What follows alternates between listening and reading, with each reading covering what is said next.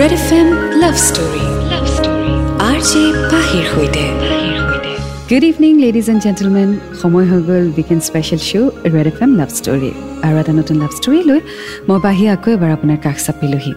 আজি যিখন চিঠি হাতত লৈছোঁ এই চিঠিখন পঠিয়াইছে পানশ্ৰীয়ে। তেওঁ নিজৰ ষ্টৰীৰ নাম দিয়া নাই গতিকে ময়ে এটি ষ্টৰীৰ নাম দিছোঁ আৰু সেয়া হৈছে মোৰ দেন এ ফ্ৰেণ্ড চ' আহক শুনো আজি পানশ্ৰীৰ লাভ ষ্টৰী নমস্কাৰ পাহিবা তোমাৰ লাভ ষ্টৰী মই প্ৰায়ে শুনো। আৰু যদি কেতিয়াবা শুনিবলৈ থাকি যায় তেতিয়া একেলগে জাৰ্ণি কৰা টাইমত শুনি লওঁ। বহুত ভাল লাগে। My name is Panshri my house is in Jorhat I live in Silchar because of studies মোৰ ভাল লগা ল'ৰাজনৰ নাম প্ৰণয়। পাহিবা মই তাৰ লগত এটা ছ'চিয়েল এপৰ জৰিয়তে চিনাকি হৈছিলোঁ। যদিও মই বেছিভাগ ছ'চিয়েল এপত এক্টিভ নাছিলোঁ। এদিন ল'ৰা এজনৰ পৰা এছ এম এছ আহিলে হাই বুলি। ময়ো কেইদিনমানৰ পাছত হাই বুলি ৰিপ্লাই কৰিলোঁ। তাৰ পাছতে সি মোক ক'লে হাই আজিহে সময় পালানে কি? মই অনলাইন নাছিলোঁ। অ'কে বাকী তোমাৰ ঘৰ ক'ত? মোৰ যোৰহাটত। তোমাৰ? মোৰ চৰাইদেউ। তুমি পঢ়ি আছা? হয় মই মেডিকেল পঢ়ি আছোঁ।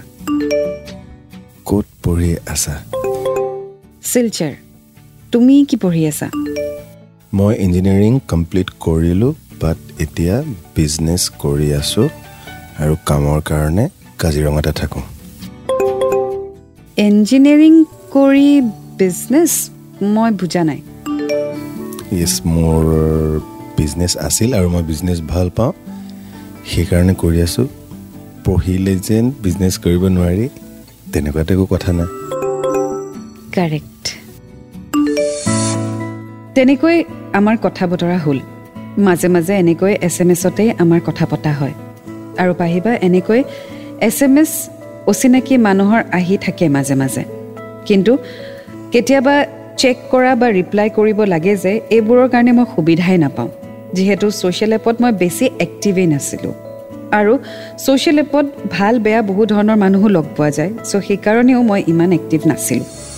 চ' আজি আমি শুনি গৈ থাকিম Panshree love story more than a friend and Red F M বাজাতে ৰহো Red F M love story love story R J পাহিৰ সৈতে ৱেলকাম বেক শ্ব' চলি আছে Red F M love story মই আছোঁ আপোনাৰ সৈতে পাহি শুনি আছোঁ more than a friend Panshree love story আগলৈ তেওঁ লিখিছে প্ৰণয় বহুত ভাল ল'ৰা আছিল বহুতখিনি এছ এম এছৰ মাজত মই তাকেই ৰিপ্লাই কৰিছিলোঁ এনেকৈ দিনবোৰ গৈ থাকিলে। এদিন হঠাৎ কথাৰ মাজতেই তাৰ নম্বৰ দিলে আৰু ক'লে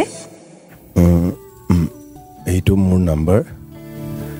কেতিয়াবা আমনি লাগিলে ফোন কৰিব পাৰা। Okay thanks. আৰু এটা কথা তোমাৰ নম্বৰ পালোঁ যদিও মই কেতিয়াও তোমাক আমনি নকৰোঁ। টেনশ্যন একেবাৰে নল'বা। অ'কে। চ' প্ৰণয়ে নিজৰ ফোন নম্বৰটো শ্বেয়াৰ কৰিলে বাট অলৰেডি আমি গম পাইছোঁ যে পানশ্ৰী ইমান ছ'চিয়েল মিডিয়াত এক্টিভ নহয় চ' ফোন কৰিবনে পানশ্ৰীয়ে জানিবলৈ অকণমান অপেক্ষা কৰক এণ্ড ৰেড এফ এম বাজাতে ৰাখো Red F M love story love story R J পাহিৰ সৈতে welcome back to the show' Red F M love story মই আছোঁ আপোনাৰ সৈতে পাহি শুনি আছোঁ আজি Panshree love story more than a friend আগতে তেওঁ লিখিছে পাহিবা সঁচা ক'বলৈ গ'লে প্ৰথম প্ৰথম মোৰ তাক ভাল লগা নাছিলে। সেইবাবে এছ এম এছত নম্বৰটো থাকি গৈছিল। মই ফোনো কৰা নাছিলোঁ। মই যিহেতু হোষ্টেলত থাকোঁ মৰ্ণিং ডিউটি ক্লাছ আৰু আহি খোৱা বোৱা কৰি শুই গৈছিলোঁ। ৰাতি যিকণ টাইম পাওঁ লগৰ লগত আড্ডা আৰু মোবাইল চাব ইমান টাইম নাথাকে। সেইকাৰণে ইমান তাৰ লগত কথা পাতিবও নোৱাৰিছিলোঁ। এদিন ৰাতি হোষ্টেলত ৰুমমেট আৰু ফ্ৰেণ্ড কেইজনীমানৰ আগত তাৰ কথা উলিয়ালোঁ। চবেই মোক একচুৱেলি এনকাৰেজ কৰিছিলে বয়ফ্ৰেণ্ড বনাবৰ বাবে। কিন্তু মোৰ বয়ফ্ৰেণ্ড বা ক্ৰাছ তেনেকুৱা একোৱেই নাছিলে। প্ৰণয়ৰ কথা যেতিয়া ক'লোঁ তাৰ কথা শুনাৰ পাছত চবেই মোক এইটোৱে কৈছিলে যে তাৰ লগত কথা পাতি কিয় নাচাওঁ। যিহেতু ফোন নম্বৰো সি দি থৈ দিছিলে। মোক সিহঁতে ফ'ৰ্চ কৰিছিল এবাৰ হ'লেও তাৰ লগত কথা পাতি চাবৰ বাবে। চ' প্ৰণয়ৰ কথা ফ্ৰেণ্ডৰ আগত উলিয়ালে আৰু ফ্ৰেণ্ডে তাইক এনকাৰেজ কৰিছে যে at least have a word with this guy so' এতিয়া প্ৰণয়ৰ সৈতে পানশ্ৰীয়ে কথা পাতিবনে? ফোন নম্বৰটোতো আছেই। জানিবলৈ অপেক্ষা কৰক। এন ৰেড এফ এম বজাতে ৰহো। Red F M love story love story R J পাহিৰ সৈতে।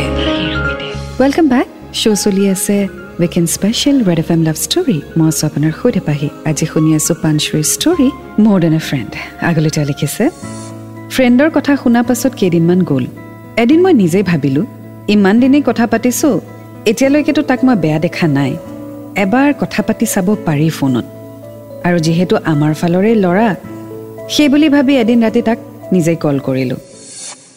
হেল্ল' হেল্ল' প্ৰণয় হয়নে? হয় মই মই পানশ্ৰী সেইদিনা নম্বৰ দিছিলা। কি খবৰ? হাই হাই ভালে আছা? আছো আছো। মই ভাবিছিলো তুমি পাহৰিলে চাগে ক'তনো ফোন কৰিবা আৰু একো মই এক্সপেক্ট কৰাই নাছিলো। নহয় নহয় একচুৱেলি বিজি হৈ আছিলোঁ অলপমান এছাইনমেণ্ট ইণ্টাৰ্ণশ্বিপ প্লাছ পঢ়া প্ৰেছাৰ বঢ়িয়া পঢ়া শুনা কেনেকুৱা এতিয়া ঠিকে ঠিকে ঠিকে। আৰু কিমান দিন আছে তোমাৰ কমপ্লিট হ'বলৈ? মোৰ লাষ্ট ইয়েৰ আৰু এইটো। মই আছো ইয়াতে অলপ দিন কিবা কিবি চলি আছে। বিজনেছৰ কাম। এনেকৈ অকণমান টাইম আমি কথা পাতিলোঁ। লাহে লাহে সি মোক কল এছ এম এছ কৰিবলৈ ধৰিলে। বিজি নথকা টাইমত মই কথা পাতোঁ আৰু নহ'লে কেতিয়াবা ময়েই কৰোঁ। চ' আল্টিমেটলি আইচ ব্ৰেক কৰিলে পানাশ্ৰীয়ে আৰু তেওঁ ফোন কৰিলে প্ৰণয়। চ' এই ৰিলেশ্যন কিদৰে আগবাঢ়ে জানিবলৈ অপেক্ষা কৰক। And red F M ৰহো। Red F M love story love story R J পাহিৰ সৈতে। ৱেলকাম বেক শ্ব' চলি আছে weekend special Red F M love story আৰু মই আপোনাৰ সৈতে পাহি আজি শুনি আছোঁ পানশ্ৰীৰ story more than a friend আগলৈ তেওঁ লিখিছে সি মৰ্ণিং সদায় সোনকালে উঠে আৰু মোক ভিডিঅ' বা অডিঅ' কল কৰে কিন্তু মই সাৰে নাপাওঁ সি কল কৰা সময়ত পিছতহে গম পাওঁ যেতিয়া ন'টিফিকেশ্যন দেখোঁ মিছ কল বুলি এনেকৈ প্ৰায় ৰাতিপুৱাৰ ভাগত এটা নহ'লে দুটা তাৰ মিছ কল দেখা পাওঁৱেই মোৰ লাহে লাহে তাক ভাল লাগিবলৈ ধৰিলে নেজানো কিয়। সি যেতিয়া কামত বিজি থাকে কল নকৰিলে মিছ কৰা হ'লোঁ। তাক দেখা নাপালে ভাল নালাগিছিল। সেইবাবে ময়ো তাক কেতিয়াবা ভিডিঅ' আৰু অডিঅ' কল কৰা হ'লোঁ। মই যেতিয়াই তাক বহুত মিছ কৰোঁ পাহিবা তোমাৰ মটিভেশ্যনবোৰ শুনো। তথাপিও তাক এবাৰ বা দুবাৰ যদি ফোন নকৰোঁ মোৰ ভালেই নালাগে। সি যদি বিজি থাকে কল বেক কৰিম বুলি কয়। আৰু ফ্ৰী হ'লে সি কৰেও। ভিডিঅ' কলত তাক কিন্তু বৰ মৰম লাগে। যেতিয়া বহুত বেছি মৰম লাগে স্ক্ৰীণ ৰেকৰ্ড কৰি এডিট কৰি মোৰ ভাল লগা গান লগাই থৈ দিওঁ। সময় পালে সেই ভিডিঅ'বোৰ চাওঁ। ভাল লগা গান আৰু মোৰ মৰম লগা ল'ৰাটো। So' slowly steadily Panshri actually has fall in for Pranay social media এপত লগ পাইছে। ইটোৱে সিটোক কিন্তু এতিয়ালৈকে ফিজিকেলি লগ পোৱা নাই। ফোন আৰু ভিডিঅ' কলত তেওঁলোকৰ কথা বতৰা চলি থাকে আৰু লাহে লাহে পানশ্ৰীয়ে তাক ভাল লগা হৈ পৰিছে। চ' আগলৈ কি হয় জানিবলৈ অপেক্ষা কৰক এণ্ড ৰেড এফ এম বজাতে ৰহো Red F M love story. Love story R J পাহিৰ সৈতে।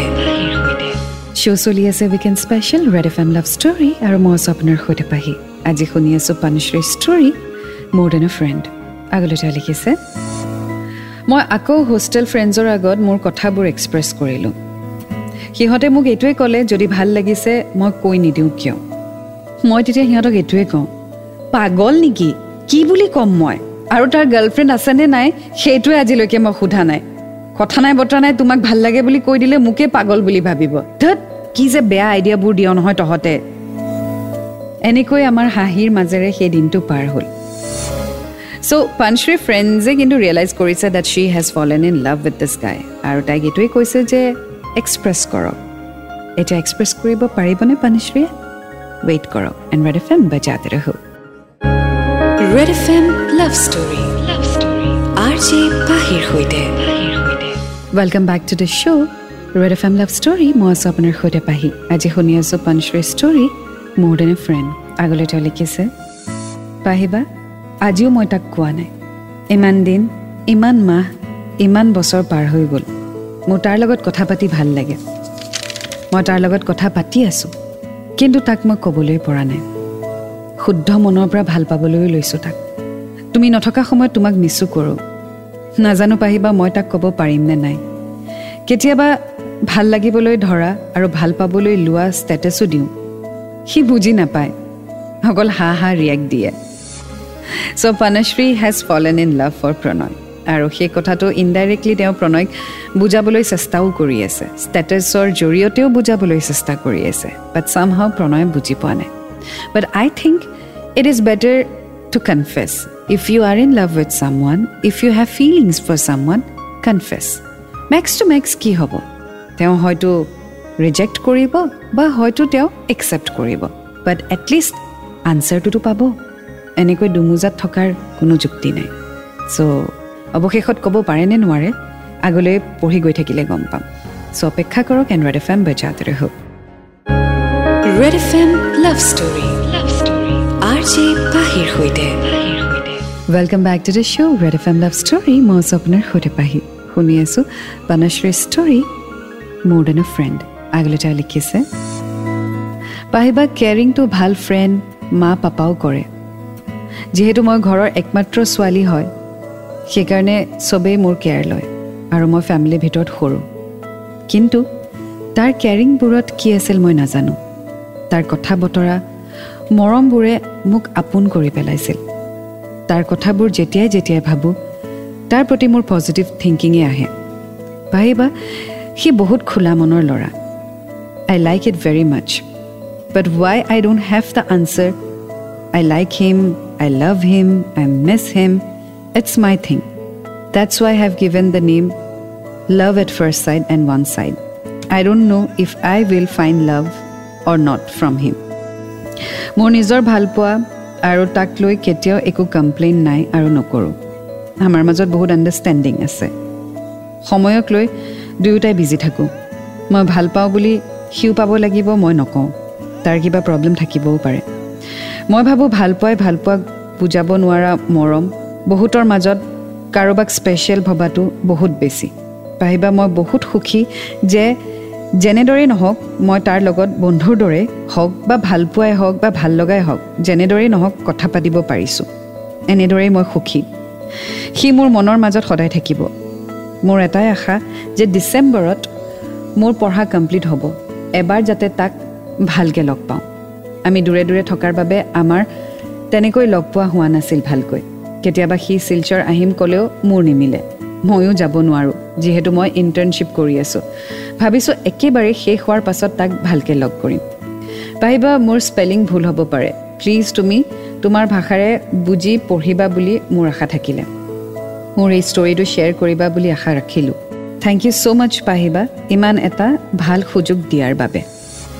থেংক ইউ ছ' মাছ পনশ্ৰী তুমি ধুনীয়াকৈ তোমাৰ ষ্টৰি শ্বেয়াৰ কৰিলা বাট আই উড ছাজেষ্ট যে এবাৰ হ'লেও তুমি এক্সপ্ৰেছ কৰা।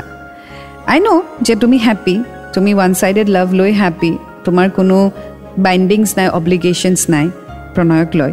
কিন্তু কৈ দিয়াৰতোতো একো প্ৰব্লেম নাই ন? কৈ দিয়াৰ পিছতো you can still be friends I guess so' এবাৰ হ'লেও এক্সপ্ৰেছ কৰি চাবা।